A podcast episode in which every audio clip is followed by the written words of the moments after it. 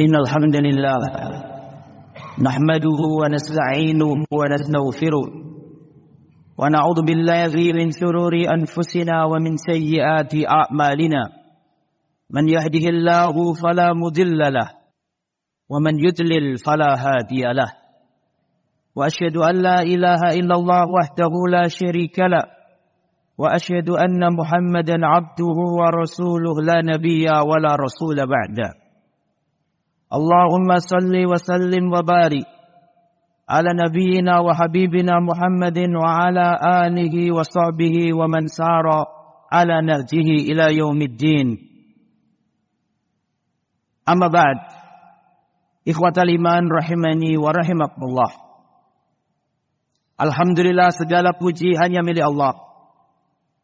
Wassalatu wassalamu ala rasulillah dan semoga salawat serta salam tetap tercurahkan kepada junjungan kita Nabiullah Muhammad sallallahu alaihi wasallam. Melalui mimbar Jumat yang mulia ini mari kita meningkatkan ketakwaan kita kepada Allah Subhanahu wa taala dengan menjalankan seluruh perintah-perintahnya dan menjauhi seluruh larangan-larangannya. Saudara kita muslimin rahimani wa rahimakumullah. Di dalam Islam ada seekor hewan. Yang mana hewan ini sering disebutkan dalam konteks negatif sering disebutkan dalam teks-teks agama bahwa hewan ini tidak baik, dijadikan perumpamaan kejelekan, selalu beridentik dan berkonotasi jelek atau negatif. Hewan itu adalah al-kalb, anjing. Kita temui banyak dalam hadis-hadis Rasulullah Shallallahu Alaihi Wasallam yang menjelaskan atau menyebut seekor anjing dalam konteks negatif. Rasulullah SAW bersabda, La tadkhulu al-malaikatu baitan fihi kalbun wala. Malaikat rahmat tidak mau masuk ke dalam rumah yang di dalam rumah itu ada anjingnya dan ada lukisan atau gambar atau patung dari makhluk yang bernyawa. Malaikat rahmat gak mau masuk rumah yang di dalamnya ada anjing. Berarti konotasinya jelek, negatif, gak bagus. Bahkan Rasulullah Shallallahu Alaihi Wasallam menunggu datangnya Jibril, tetapi Jibril lama gak datang. Rasulullah merasa Jibril telat datangnya. Dan Rasulullah menunggu kenapa Jibril tidak datang. Ternyata tanpa disadari di bawah kasur tempat tidur atau di bawah ranjang Rasulullah ada jirwul kalbi, ada anaknya anjing. Maka Rasulullah mengatakan, ah hariju, keluarkan, keluarkan anak anjing ini. Setelah anak anjing dikeluarkan, barulah malaikat Jibril turun. Kemudian Rasulullah berkata, wahai malaikat Jibril, kenapa engkau terlambat? Maka malaikat Jibril mengatakan, nahnu ma'asyiral malaika kami para malaikat la dadkhulu baitan fihi kalbun wala suratun. Kami para malaikat tidak mau masuk rumah yang rumah itu ada anjingnya. Dan lukisan, patung atau gambar dari makhluk yang bernyawa. Tidak mau. Dalam hadis yang lain Rasulullah mengatakan, "Idza walaghal kalbu ina ahadikum aw fi ina ahadikum falyaghsilhu sab'a marratin." ulahunna biturab. Jika ada anjing menjilati bejana kalian, menjulurkan lidahnya di air yang ada di bejana kalian, maka cucilah bejana itu tujuh kali. Di antaranya atau yang pertama memakai debu atau pasir. Berarti kan jelek. Berarti tingkat kenajisannya sangat tinggi. Berbeda dengan najis-najis yang lain. Rasulullah Wasallam juga bersabda, Al-aidu fi hibadihi fi hibatihi kal Yaki usul ya'udu fi Orang yang memberi terus ditarik kembali seperti seekor anjing nentah. Kemudian dia jilat kembali muntahnya.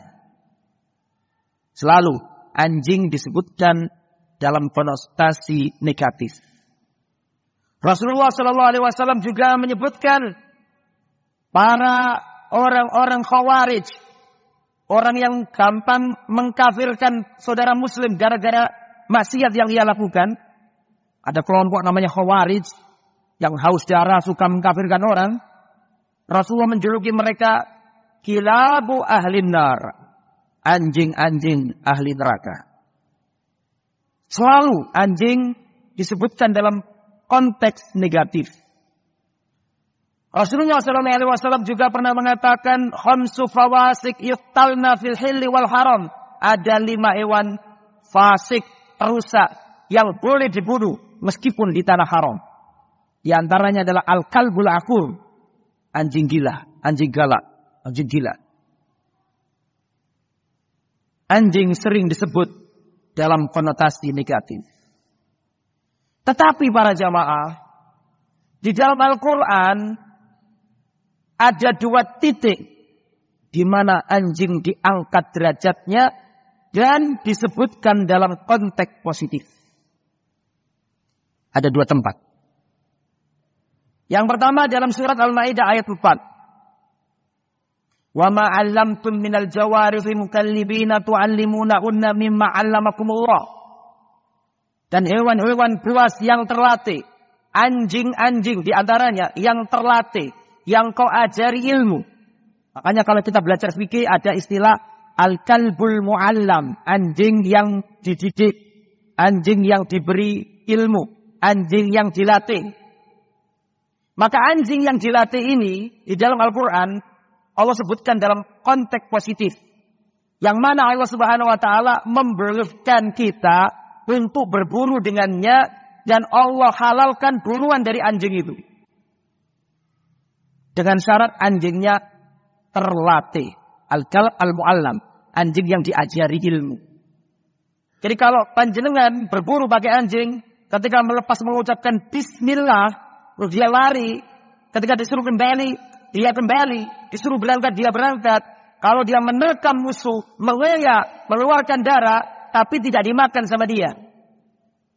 Itu buruan, dipegang sama dia, diperuntukkan untuk majikannya.